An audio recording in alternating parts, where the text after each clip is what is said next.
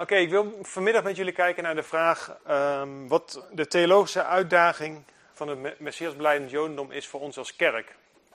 En ik kan ehm, grote lijnen gaan trekken, maar ik dacht laat ik het uh, concreet en klein maken. En ik wil dus vanmiddag gaan aanpakken door ehm, met jullie te gaan kijken naar de gemeente van Mark Kinzer, Zera Abraham.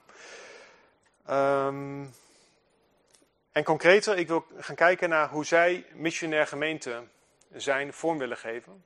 En vanuit die praktijk, die ik dan ga beschrijven, wil ik uh, de vraag van vanmiddag op scherp zetten. Dus de vraag van vanmiddag wordt dus: wat is de theologische uitdaging van de missionaire praktijk van Zera Abraham voor de kerk? En ik wil zo meteen uh, achtereenvolgens eerst kort vertellen hoe ik dat ga doen. Ik wil een korte beschrijving van Mark Kinzer en zijn gemeente geven.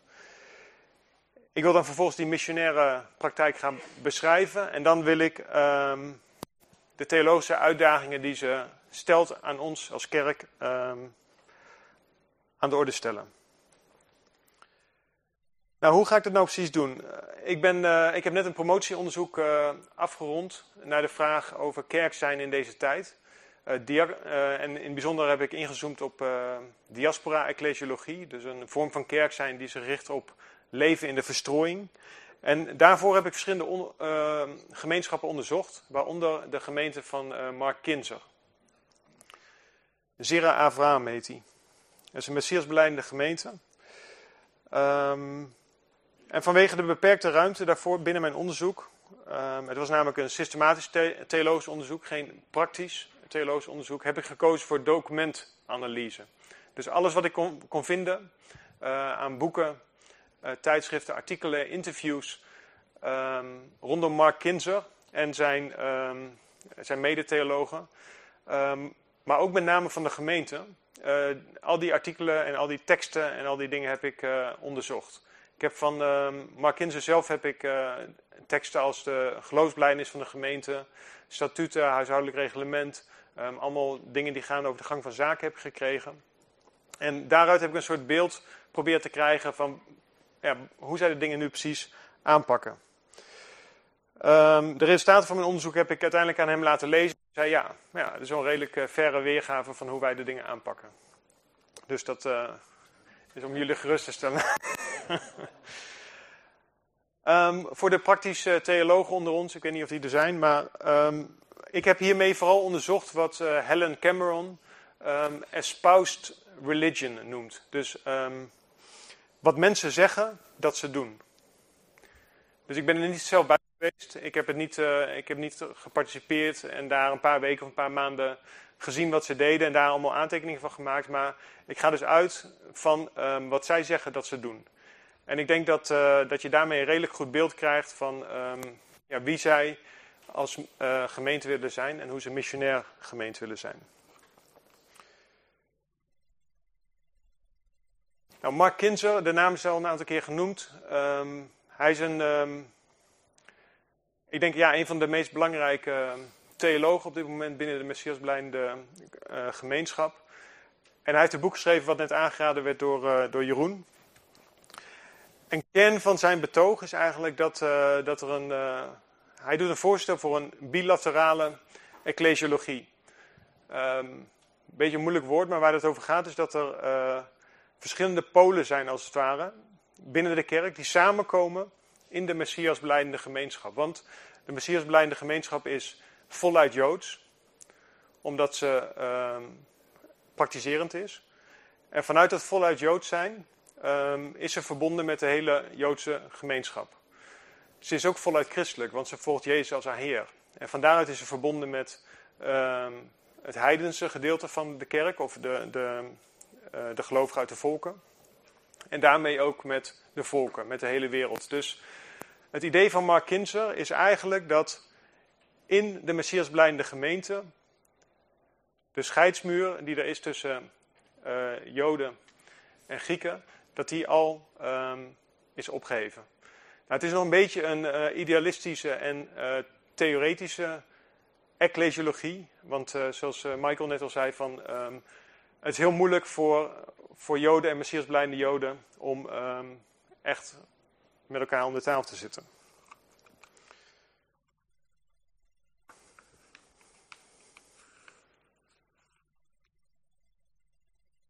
Maar wat dit wel zegt is dat de gemeente uh, Zera Avraham dus een, een, praktiserende gemeente is. En met het woord praktiserend bedoel ik dus dat ze zich ehm, willen houden aan de eh, leven volgens de Torah. Ehm, door de bril van de rabbijnse traditie, zullen we zeggen. Nou, Zera Abraham, dus de gemeente van Mark Kinzer, is ontstaan omdat er in de jaren 70 en 80 een groepje Messia, uh, Messiasblijde Joden in Amerika, in um, Washington Country, regelmatig bij elkaar kwam om Sabbat te vieren, uh, de feesten te vieren. En daaruit is op een gegeven moment langzamerhand is er een uh, gemeente gegroeid. In 1993 is de gemeente officieel begonnen. In 1996 hebben ze zich aangesloten bij het grotere uh, kerkverband, het UMJC, de Union of Messianic Jewish Congregations. Um, zij leefden allemaal vanuit het uitgangspunt van uh, Joden. Um, Joden hebben van uh, God uh, de wetten gekregen, de verbonden gekregen. En zijn dus eigenlijk altijd geroepen om zich daaraan te houden, om daarnaar te leven. Ook als ze christen worden. Of misschien juist als ze christen worden. Dus um, ja, het is vanmorgen uitgebreid aan de orde al gekomen. Maar zij waren dus op zoek naar van hoe zijn we nu een praktiserende, Messias blijdende gemeente. Gebruiken we dan gewoon de halacha die er is um, binnen de rabbijnse traditie. Maar welke rabbijnse traditie dan? Worden we dan um, reform? Worden we conservatief? Worden we orthodox? Of worden we chassidisch? Um, en wat is dan het christelijke element da da daarin? hoe, hoe, komt dat tot uiting? Dat waren allemaal vragen waar zij mee bezig waren. En en dat heeft ermee te maken dat er eigenlijk nog weinig precedent uh, was wat dat betreft. Dus ze moesten het wiel als het ware opnieuw uh, uitvinden, of misschien zelfs voor het eerst uitvinden. Nou, dan, dan richten ze de organisatie uh, Hashivenu op. En die is echt bezig met deze vraag. Wat is nou een, een christelijke of een messiasblijnde halacha? Nou, op een gegeven moment ontstaat daar um, Um, op een gegeven moment ontstaat het uh, MJRC, dat is in, um, in 2006, de Messianic Jewish Rabbinical Council. En dan beginnen ze eigenlijk vanuit een soort gezag uitspraken te doen over uh, hoe Messiasblijnde uh, gemeentes kunnen gaan uh, leven, halachisch kunnen gaan leven, hoe ze kunnen gaan praktiseren. En ze publiceren dan een Standards of Observance, dus dit is eigenlijk waar we ons als gemeentes uh, op richten. Dit, dit, is hoe we willen gaan leven. Dit is hoe we de, de, uh, de Torah interpreteren. Um, nou, ze gaan, ze gaan, ze gaan ja, hoe ze dat dus doen, is dat ze enerzijds de rabbijnse traditie volop gebruiken. En anderzijds dat ze zeggen, um, we hebben wel een soort uh, bril waardoor we dat bekijken. Want we zijn ook een christelijke gemeenschap. We zijn niet zomaar Joods, we zijn Messias blijdend Joods. En ze hebben dus een aantal um, ja, regels waardoor ze uh, dingen interpreteren en waardoor er keuzes worden gemaakt. En ze kiezen niet voor één Joodse traditie, maar ze kiezen voor verschillende tradities. En daar proberen ze eigenlijk het beste uit te halen. Dus ze citeren um, uit de Talmud en uit de Mishnah. Dat, doet iedereen natuurlijk. Maar ook uit de Kitsur Shulchan Aruch bijvoorbeeld. Dat is een, uh, een, een later standaardwerk uit, uit Europa. Um, maar als het dan concreet wordt, dan werken ze met een aantal basisboeken van um, reform en um, conservative rabbies. Als het bijvoorbeeld gaat over kashrut, hoe je moet koken. Um, uh, over de feesten. Dus als je kijkt, als, ik denk als een, als, een, als een Jood, als buitenstaander kijkt van nou wat is nou de praktijk van die gemeenschap, hoe pakken ze dat aan? Dan zal de gemiddelde Jood denken van oké, dat is een uh, reform synagoge of een uh, conservative, maar in ieder geval niet orthodox en in ieder geval niet uh, Chassidisch. Nou, hebben jullie zo een beetje een plaatje bij van hoe ze dat proberen ja, eigenlijk zoekend vorm, vorm te geven. En dat is eigenlijk nog steeds work in progress. Ze zijn er nog steeds mee bezig. Oké, dan wil ik kort iets zeggen over de missionaire praktijk van, van deze gemeente. En je zou kunnen zeggen dat ze drie uitgangspunten hebben. Het eerste is dat de missionaire focus van Zera Abraham is in het bijzonder gericht op Joden. Dus ze voelen de roeping om als Messias blijende Joden andere Joden terug te roepen uh, naar een leven uh, achter Jezus aan. En dat betekent achter de Torah aan. Um, dus terug te roepen tot een geloof in Jezus en een uh, praktiserend leven. En Mark Kinzer en, en, en, zijn gemeente gelooft het ook echt dat in deze tijd de gelovigen uit de heidenen hebben de, de roeping om he, de volken te bereiken. Um, en ze moeten de Joden eigenlijk even met rust laten. Daar komt het een beetje op neer. En dat heeft te maken met het hele verhaal wat we net uh, gehoord hebben. He, de, de, de Shoah en uh, de 2000 jaar uh, polemiek en intimidatie en geweld vanuit de kerk ten opzichte van de Joden. Dus uh, Zera Abraham die gebruikt voor hun missionaire werk gebruiken ze de term uh, Kiruv Regokim. Dus een term die Gabat ook gebruikt.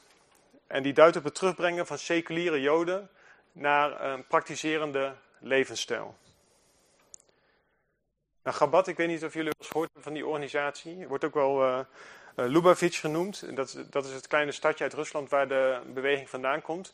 is een hele sterke missionaire beweging die uh, continu bezig is met outreaches en met kenniscentra uh, starten op plekken waar er maar een paar Joden zijn. Daar plant ze een kenniscentrum om Joods leven weer ja, tot, tot leven te wekken. Ze hebben ook hele innovatieve en creatieve outreach vormen, bijvoorbeeld op campussen, campussen en in de Verenigde Staten doen ze ook veel. Um, en zij, ze, ze, doen ook veel op straat, straatevangelisatie zouden wij dat noemen. En wat ze heel vaak doen is dat ze Joden jonge, jonge Joodse mannen en vrouwen aanspreken en zeggen van nou hier doe de gebedsriem eens om. Voel eens even hoe dat is. Spreek eens het gebed uit. Um, ze hebben ook bijvoorbeeld een soort, dat, dat heet, volgens mij noemen ze dat een mitzwa tank. Dat is, volgens mij was het gewoon een, um, een soort caravan die dan kan functioneren als een soort mini-synagoge. En dan kunnen ze die gewoon ergens op een campus neerzetten. Nou, kom, we gaan met z'n allen bidden. En dan kun je het even ervaren vrijblijvend. Nou, heel creatief, heel outgoing, heel erg um, uitnodigend.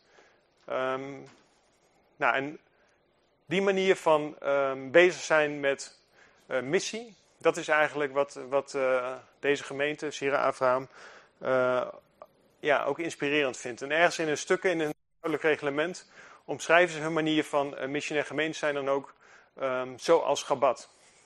Dus dat is echt het, voorbeeld. Dus hun primaire focus is dus gericht op Joden. Een tweede kenmerk van hun missionaire focus is dat ze heel gemeenschappelijk of collectief denken.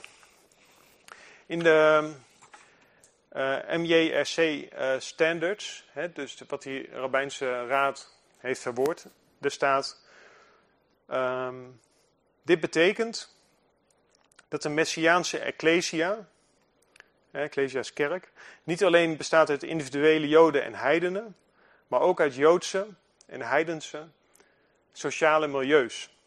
En om een sociaal milieu als Joods te betitelen, moet voldoen aan bepaalde patronen en principes die de Joodse ervaring van de gemeenschapsgin uitdrukken.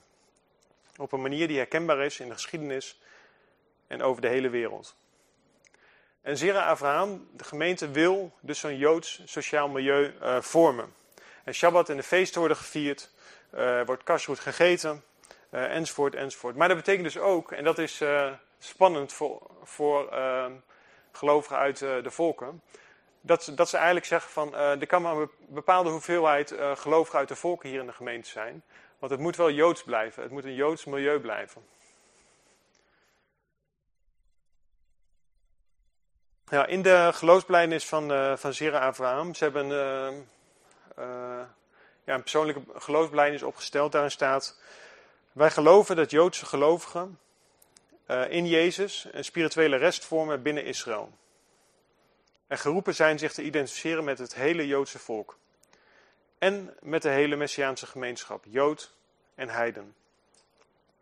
We geloven dat deze dubbele uitdrukkingsvorm het beste vorm kan worden gegeven in de context van Messias beleidende Joodse gemeentes. waarbinnen Joodse gelovigen hun geloof in de Messias vormgeven op traditioneel Joodse wijze. En we geloven dat Messiasbeleidende gemeenten een teken zijn voor Israël, aangaande hun uiteindelijke doel in de geschiedenis, redding in Jezus. En tevens een teken voor de hele Messiaanse gemeenschap van haar onuitwisbare Joodse wortels. Dus einde citaat. Dit komt uit de geloofsbelijdenis van uh, Zira Abraham. En centraal hierin staat eigenlijk de, de gedachte dat deze gemeenschap, dit uh, sociale Joodse milieu, of dit Joodse sociale milieu, goed nieuws vormt voor geseculariseerde Joden. Ook voor de heidenen, maar in de eerste plaats voor de Joden. En dat betekent dus ook iets voor de manier van evangeliseren. Het is namelijk geen. Um, uh, het is een, evangeliseren is dus een terugverwelkomen van mensen in het volk van God. Zoals dat concreet vorm krijgt in Zera, uh, Zera Avraham. Dus het is geen verkopen van een bepaald product, maar het is het terugverwelkomen in de familie. Het is niet het overbrengen van een idee. Ja, als je dit idee gelooft, dan ben je gered. Um, maar het is het uitnodigen tot een nieuwe levensstijl, of eigenlijk tot de oude levensstijl. Dus dat is het tweede typische kenmerkende van, um, van de, de missionaire, uh, de manier van missionair gemeente zijn, dat, het, dat er collectief gedacht wordt. En ten derde, um, het derde uh, motief is dat, um, of het derde uitgangspunt is dat net zoals Gabat, Zera Abraham heeft een heel sterk eschatologisch uh, motief voor zending. Dus het heeft te maken met het eind van de tijden. Er zit het idee achter dat als het volk van God regeert, of reageert op een oproep tot bekering, dan zal Sion hersteld worden en dan zal de Messias terugkomen. Nou, dit, uh, dit zijn drie uitgangspunten uh, die uh, Abraham heeft voor haar missionair gemeente zijn. Het is gericht op Joden, het denkt gemeenschappelijk en het is heel erg geba ja, gebaseerd op een eschatologisch motief. Het eind van de tijden. Maar hoe wordt het nou concreet gemaakt? Het grappige is dat het um, tot op het meest praktische niveau beschreven wordt in hun stukken hoe ze dat voor zich zien dat, uh, uh, dat ze mensen bereiken en hoe die een plek vinden in de gemeenschap.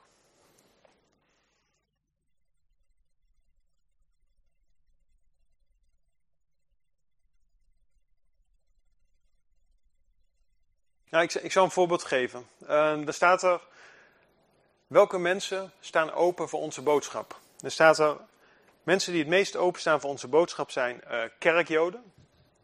Dus dat zijn, uh, denk ik, wat Hebrew, Hebrew Christians. Um, die weer met de Joodse wortels in aanraking willen komen. Een tweede groep is gemengde koppels. Hè, waarvan de een Jood is en een ander uit de volken. En de derde groep is kinderen van gemengde koppels. Die op zoek zijn naar hun wortels. Ze hebben denk ik een soort onderzoekje gedaan of dit is een soort ervaring van dit zijn de groepen die uh, het meest openstaan voor onze boodschap. Maar hoe bereik je die mensen dan vervolgens? Nou, manieren om mensen te bereiken. De eerste is uh, uitnodigen voor een Shabbatmaaltijd. De tweede is mensen uitnodigen voor samenkomsten.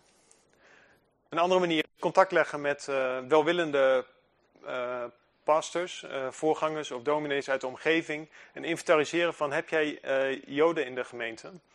Um, en, en, zouden zij iets willen doen met hun, um, met hun Joodse wortels, dan zijn ze welkom bij ons. En net zoals bij Gabat zijn um, outreaches op uh, campussen zijn, een heel belangrijk middel. Dus ze richt zich ook echt op de jeugd. Nou, dus hier staat eigenlijk een soort strategie beschreven in hun stukken. En vervolgens staat er ook van, nou, stel uh, er komt een geseculariseerde Jood komt in de samenkomst, of er komt een, uh, een gelovige uit, uit de volken komt in de samenkomst, of gewoon iemand die helemaal niet gelooft. Nou, voor elke, voor elke soort is er een soort opvolgprogramma. Um, en daar is overal over nagedacht. Voor iedereen is er eigenlijk een soort traject. Wat wel interessant is, voor, voor mij om te lezen, is dat er dus verschillende trajecten zijn voor um, Mensen die Joods zijn of mensen die niet Joods zijn. En daarachter zit eigenlijk die dragende visie hè, van, van Kinzers ecclesiologie. Dat bekering voor Joden is een terugkeer naar de God van hun voorvaderen. Maar bekering voor een, uh, een heiden is natuurlijk een afwending van de afgoden en een toewenden naar de levende God. En verschillen in bekering gaat dus ook om verschillen in discipelschapstrajecten. Nou, tot zover de beschrijving van uh, Sera Abraham's missionair gemeente zijn. En nu komen we een beetje bij de hoofdvraag van onze lezing. Um, wat is de theologische uitdaging van de missionaire praktijk van Sera Abraham voor ons als kerk? Is die praktijk, hebben jullie een beetje een beeld bij die praktijk zo gekregen van hoe ze dat voor zich zien en hoe ze dat willen doen? Ik heb nu een aantal punten um, een aantal punten waarbij ik denk dat, uh, dat, dat de, deze praktijk, deze, dit missionair gemeente zijn, ons als kerk uh, uitdaagt. Um, het is misschien af en toe een beetje kort door de bocht of uh, scherp geformuleerd, maar het idee is dat we in gesprek komen met elkaar. En um, nou ja, daar is soms ook in een paar rondes nog gelegenheid voor. Ik wil een paar dingen noemen. Het eerste is wat mij opvalt als ik kijk naar, als ik duik in deze gemeente en hoe ze gemeente willen zijn, hoe ze het vorm willen geven, is dat ze eigenlijk zeggen: missie is essentieel. En ik ben zelf voorganger en ik uh, loop al een tijdje rond in het uh, kerkelijk wereldje, maar ik, ik, kan me niet herinneren dat ik een kerk ben tegengekomen die zo expliciet op zending is gericht. En um, dit zo in haar stukken tot op alle niveaus laat doorcijpelen. En de grote grap bij het hele geheel is dus dat uh, Mark Kinzer alsnog het idee, het verwijt krijgt dat hij niet missionair betrokken is. En dat komt natuurlijk door die, die titel, Post-Missionary. Um, maar het is een van de meest missionaire gemeentes, in ieder geval in, in hoe ze zichzelf zien, die, die ik ben tegengekomen. Dus voor ons zet het denk ik meteen op scherp van, hey, um, zijn wij ook zo missionair? Zijn wij ook zo gemeente? Het tweede wat mij opviel was dat, dat, dat collectieve denken, het, het gemeenschappelijke denken. En Zera Avraham die belichaamt volgens mij een hele bijbelse gedachte, namelijk dat we niet alleen maar individuen zijn, maar dat we deel zijn van een volk, deel zijn van een, een gemeenschap. En dat die gemeenschap dus ook uh, datgene is waar God doorheen werkt. En dat vormt ook de manier van missionair zijn voor uh, Zera Avraham. Ze willen niet in de eerste plaats individuen tot geloof laten komen. Maar ze willen Joden terugroepen uh, tot een praktiserend, tot een gelovig, trouw leven um, ja, naar de Torah. Dus ze roepen Joden terug naar um, hun bestemming. Zodat daardoor uiteindelijk heel Israël zich bekeert. En deze manier van collectief denken, die was denk ik die was gangbaar in de vroege kerk. De, de, uitspraak, de bekende uitspraak natuurlijk uit de tweede eeuw volgens mij. Buiten de kerk is er geen hel. Maar sinds de reformatie is die uh, steeds meer naar de achtergrond verdwenen. En sinds de reformatie denken we eigenlijk steeds meer als individuen. Hè, hoe, um, de vraag van Luther was natuurlijk, hoe word ik rechtvaardig voor God? En Zira Abraham daagt ons denk ik uit om onszelf um, en ons hel niet primair individueel te zien, maar ook collectief. En wat ik eigenlijk hier zie gebeuren is dat zij uh, de kerk, de geloofsgemeenschap, um, weer uh, radicaal op de kaart zetten. Als een plek waar God doorheen werkt. Terwijl, ja, en ja, voor mijn gevoel zet het, zet het best wel hoe wij vaak kerk zijn op scherp. Want heel vaak hebben we toch het idee dat we, ja, wij en God. En ik, je zit dan bij een kerk, maar je kan ook bij die kerk zitten of bij die kerk. Maar het is eigenlijk niet uh, echt nodig. Nou, volgens Zera Avraham is de kerk, is uh, de Messias beleidende gemeenschap uh, echt nodig. En de derde theologische uitdaging is dat um, als je kijkt naar het hele, de hele ecclesiologie van Mark Kinzo, dan zie je dat het geweld tegen de Joden, wat wij als kerk op ons geweten hebben, dat het doorwerkt. Dus we kunnen niet zo makkelijk zeggen het is vergeten en uh, vergeven en we gaan nou verder. Um,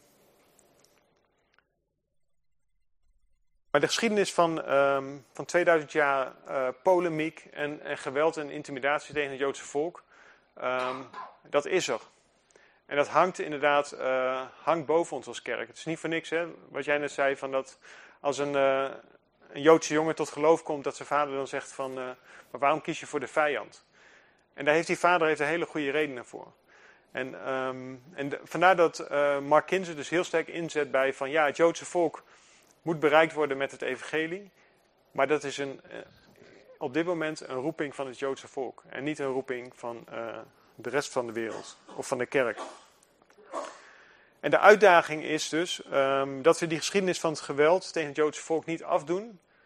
Zo van dat is gebeurd, maar dat we het kennen, sowieso. Dat we het erkennen en dat we ook alles eraan doen om dat uh, in de toekomst uh, te voorkomen.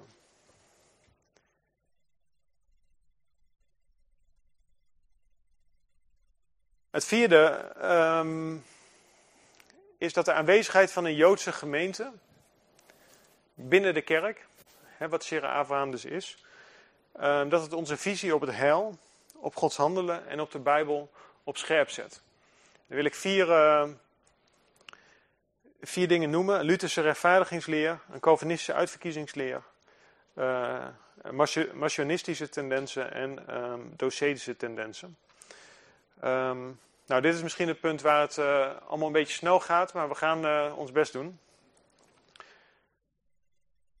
Het eerste wat, wat uh, Zera Abraham en hun manier van kerk zijn op scherp zet, is denk ik een Lutherse rechtvaardigingsleer. Lutherse rechtvaardigingsleer is, is bij uitstek een individuele verlossingsleer. Hoe word ik als zondaar rechtvaardig voor God? En hoe Luther uh, de Bijbel las, en dat heeft ook te maken met zijn eigen verhaal, is dat hij op een gegeven moment heel sterk ging onderscheiden tussen wet en evangelie. Um, wet en genade. En daarmee op een gegeven moment ook tussen de religie van de wet en de religie van de genade. En um, religie van de wet is het Jodendom, religie van de genade is het uh, christendom. Maar wat Sarah Abraham laat zien in haar missionaire praktijk is dat het evangelie niet betekent dat je vrijkomt van de wet. Voor Joden is het juist een terugkeer naar de wet. En voor Messiasblijde Joden is de wet genade. Dus de wet is Gods hart. Als je bijvoorbeeld kijkt naar Psalm 119, um, dat zijn vijf bladzijden in je Bijbel waarin alleen maar staat beschreven hoe geniaal de wet is, omdat het Gods hart is. Um, maar ook als je kijkt naar de, bijvoorbeeld de beloften die, die de profeten hebben over het nieuwe verbond. Dat gaat er niet over dat de wet wordt afgeschaft. Nee, waar gaat het over dat de wet niet meer op stenen staat, maar dat die in je hart wordt geschreven. Dus voor Messiasbeleidend Jodendom betekent het evangelie terugkeer naar de wet. En dat zet natuurlijk hoe wij in ieder geval op populair niveau geloven, zet dat best wel uh, het geheel op scherp. En het roept ons op tot een, ja, een zorgvuldigere lezing van um, het Nieuwe Testament. Met name de brief van Paulus, hè, Galaten en Romeinen. Een andere brief van Paulus. En nou ja, dit is uh, iets wat natuurlijk al een tijdje gebeurt in die hele nieuwe perspective on Paul. En het is ook niet voor niks dat Mark Kinzer in die zin, um, ja, in deze tijd, in de tijd dat uh, die nieuwe perspective on Paul opkomt, dat hij ook steeds meer taal eigenlijk vindt om dat ook theologisch te verwoorden. Oké, het tweede wat het op scherp zet is een Calvinistische uitverkiezingsleer. Nou, ik weet niet of jullie allemaal weten wat het is, maar um, ik zal het even kort uitleggen. God heeft van eeuwigheid besloten wie er gered worden en wie er verloren gaan. En um, de zekerheid van het hel um, ligt dus in de eeuwige raadsbesluiten van God. En dit is, dit is mooi. Maar wat je vaak ziet is dat um, dit vaak uh, vervangingsleerachtig uitwerkt. Eerst werd het volk van God verkozen, Israël. En nu worden de uh, individuele gelovigen uitverkoren. Dus verkiezing is van eeuwigheid. Maar kan op een gegeven moment wel van de ene groep overgaan op die andere groep. Dat stelt natuurlijk fundamentele vragen over Gods trouw. Um, die blijkbaar voor Israël niet tot een eeuwigheid vast ligt. ehm, maar die voor Israël blijkbaar in de tijd kan vervallen. Nou, wat zegt dit over um, geloofszekerheid voor jou? Nou, dat creëert natuurlijk een pastoraal probleem. Terwijl, ik denk voor Calvijn, ehm, de uitverkiezing, juist een, uh, ook een hele sterke pastorale beweging was. Maar wat we hier dus hebben, is een Joodse aanwezigheid in de kerk. Wat zegt dat over een Calvinistische uitverkiezingsleer? Ik denk dat het in de eerste plaats zegt dat God daadwerkelijk trouw is. Want hij heeft een verbond gesloten.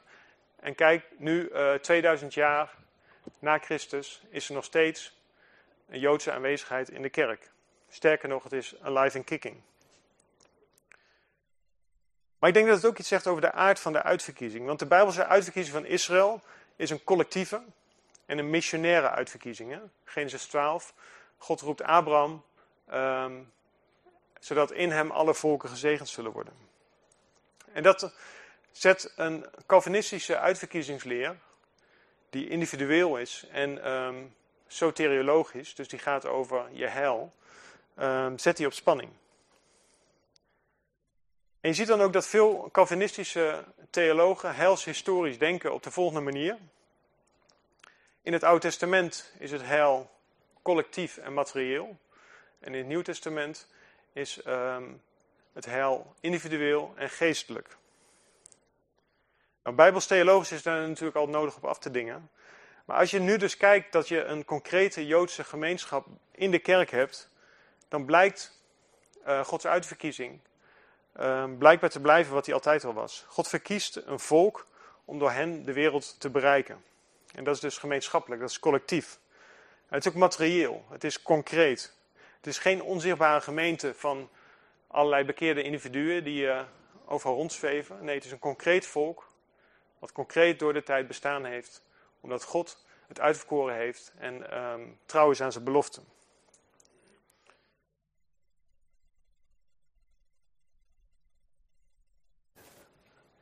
Ik zet het even op scherp, hè? dus uh, hier is nog meer over te zeggen, maar kan zo meteen. Oké. Wat het ook op scherp stelt, is wat ik even, ehm, een beetje een historische aanduiding, maar wat je zou kunnen zeggen de radicale reformatie. En um, tendensen. Ik ga uitleggen wat dat allemaal is. De radicale reformatie, um, de dopers of de wederdopers of de anabaptisten, die gingen in de 16e eeuw, um, ja, ze hadden een beetje een gewelddadig begin, uh, Münster en zo. Um, maar op een gegeven moment ging al snel de knop om en werd de doperse beweging werd, uh, geweldloos. Vanuit de navolging van Jezus. Dus ze gingen letterlijk proberen te leven naar wat Jezus zei in de bergreden. Een geweldloos leven in navolging van Jezus. Nou, het anabaptisme uh, is niet alleen een historisch fenomeen uit de 16e eeuw, maar is ook nu best wel weer populair. En dat komt, uh, heeft te maken met onze tijd. We leven in een post-christendomtijd waarin de kerk steeds kleiner en marginaler werd, wordt. En dan um, gaan we ook een beetje zoeken naar van, ja, zijn er al groeperingen die gewend zijn om een minderheid te zijn? Ja, de Anabaptisten bijvoorbeeld. Dus, um, en ook de vragen over uh, geweld in de Bijbel en religieus geweld uh, zijn best wel gevoelig.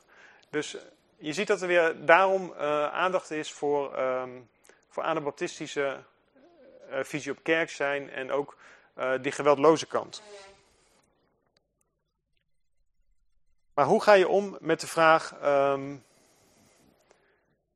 die vraag van, wij zijn geroepen om geweldloos te zijn, want we volgen Jezus. En tegelijkertijd staat er zoveel geweld in de Bijbel. Um, hoe ga je daarmee om? Heeft een geweldloze zoon een gewelddadige vader? Hè? Dat is een vraag die je zou kunnen stellen. Nou, volgens Marcion, een uh, theoloog uit de tweede eeuw, gaf de Bijbel onterecht dit beeld. En hij zegt dus op een gegeven moment, de God van het Oude Testament, die gewelddadige, chagrijnige God, die is totaal iemand anders dan de vader van Jezus. En hij scheidt dat dus helemaal. En dan krijg je een soort hele uitgeklede, dunne Bijbel, waarin vooral het Lucas-evangelie en nog wat andere teksten overblijft, die allemaal um, uh, geweldloos zijn. Nou, wat zegt de kerk? de, de, de brede kerk zegt op dat moment, ehm, dat is een ketterij. En dat klopt niet. Ehm, maar toch zie je dat deze manier van denken continu eigenlijk onder de oppervlakte een beetje blijft uh, sluimeren. En met name dus in die neo-anabaptistische kringen, waar ik zelf ook een beetje in verkeer.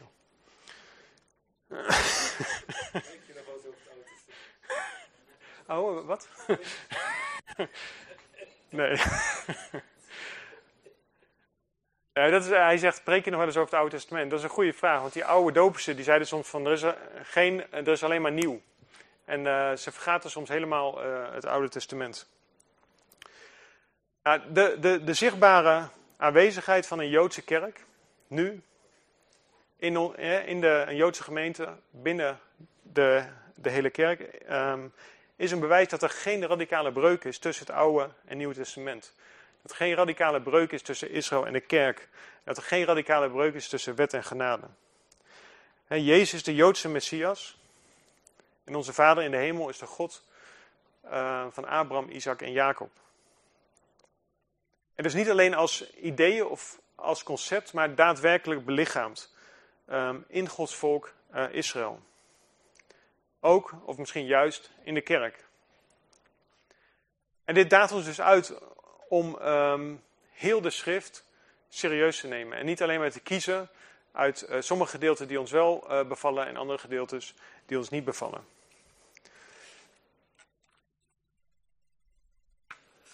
Dus dat was mijn derde, derde punt. De, um, de aanwezigheid van een Joodse, een zichtbare Joodse aanwezigheid in de kerk. Um, ja, laat ons zien dat God altijd dezelfde is gebleven. En dat we dus heel de Bijbel um, kunnen vertrouwen als woord van God. Het laatste, laatste wat het uh, op scherp zet, is wat je met name ziet in de evangelische of charismatische beweging. En dat zou je kunnen noemen docetische tendensen. Uh, de evangelische beweging of de charismatische beweging die legt een grote nadruk op uh, een geestelijke werkelijkheid. Dus er worden termen gebruikt als geestelijke waarheid, eeuwige waarheden. Er worden allerlei onderscheidingen gebruikt als geest, ziel en lichaam, of natuurlijk en bovennatuurlijk. En het risico daarvan is dat een um, geestelijke werkelijkheid belangrijker of echter wordt dan de realiteit waarin we leven. En dit is een hele oude gedachte. Dit wordt um, um, gnostiek genoemd. Van het woord uh, gnosis, kennis. Paulus heeft er volgens mij ook over als hij het heeft over de zogenaamde kennis. Het wordt ook docetisme genoemd.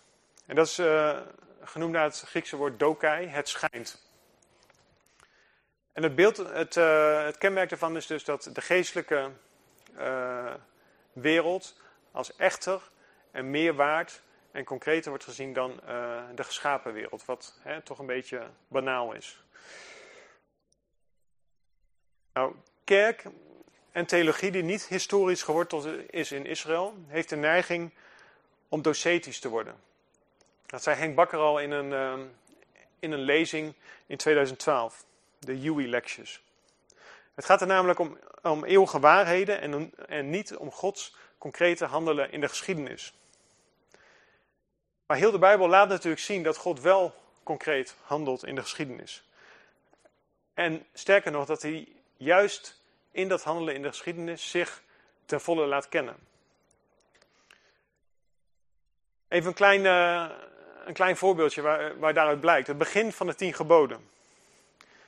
Daar staat niet, ik ben de Heere, uw God, die eeuwig is. Het hoogst kenbare. De onbewogen beweger. De drager van eeuwige waarheden. Nee, jullie weten dat er iets anders staat. Ik ben de Heere, uw God. Wie? Hoe ben ik te kennen? Hoe weten jullie wie ik ben?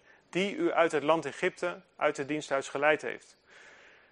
Dus God is te kennen door hoe hij handelt in de geschiedenis. Door dat wat hij concreet doet in, um, hier in de geschiedenis van Israël.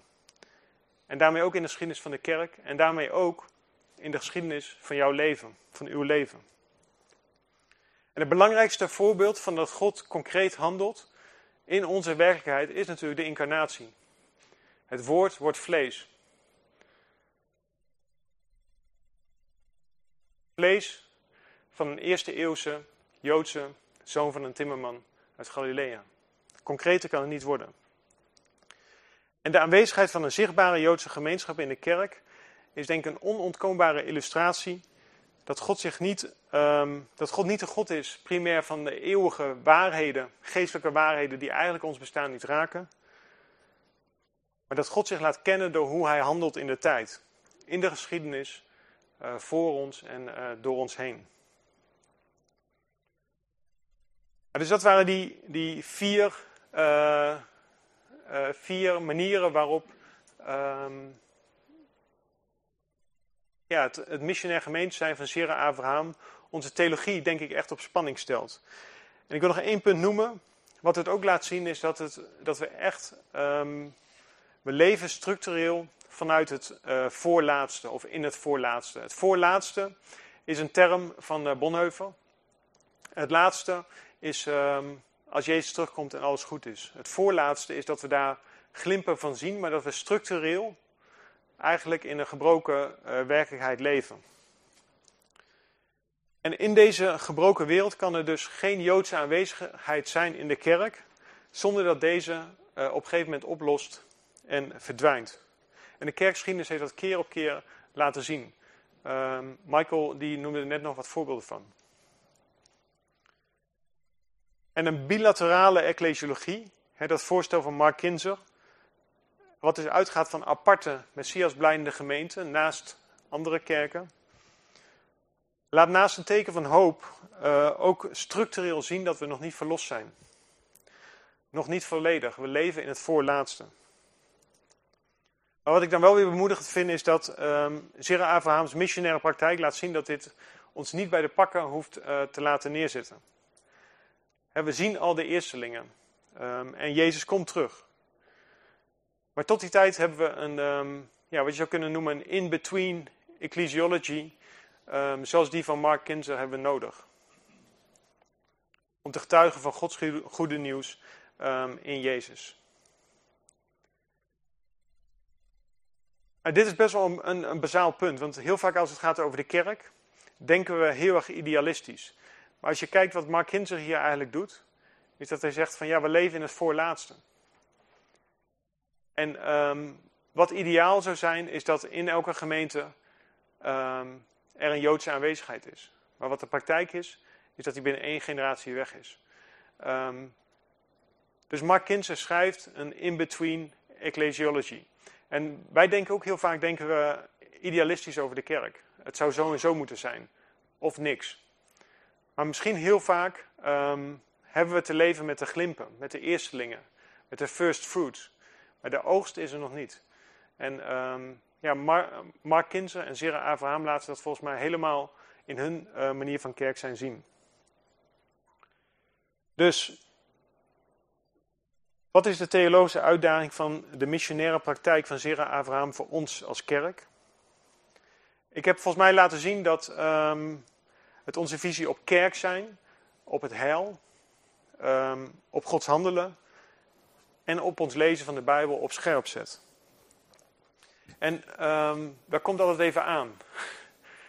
Um, ik weet niet of jullie dat nu voelden bij, als dit werd genoemd of dat werd genoemd, maar soms zet het ook best wel op scherp waar jij in gelooft en wat voor jou heilig is. En daarom moeten we dus als gemeentes en als theologen en als um, geïnteresseerden moeten we aan het werk. En ik voorzie, als ik heel eerlijk ben, nog niet helemaal waar dit allemaal toe gaat leiden. Uh, maar zover ik het nu overzie en voor zover ik het nu ook verwoord heb, zie ik wel dat de missionaire praktijk van deze Messias blijde gemeente um, ons op een manier uitdaagt die ons eigenlijk dwingt om um, meer bijbels te zijn en meer waarachtig. En dat, ja, doet pijn, maar ik denk dat het uh, uiteindelijk ook echt iets oplevert.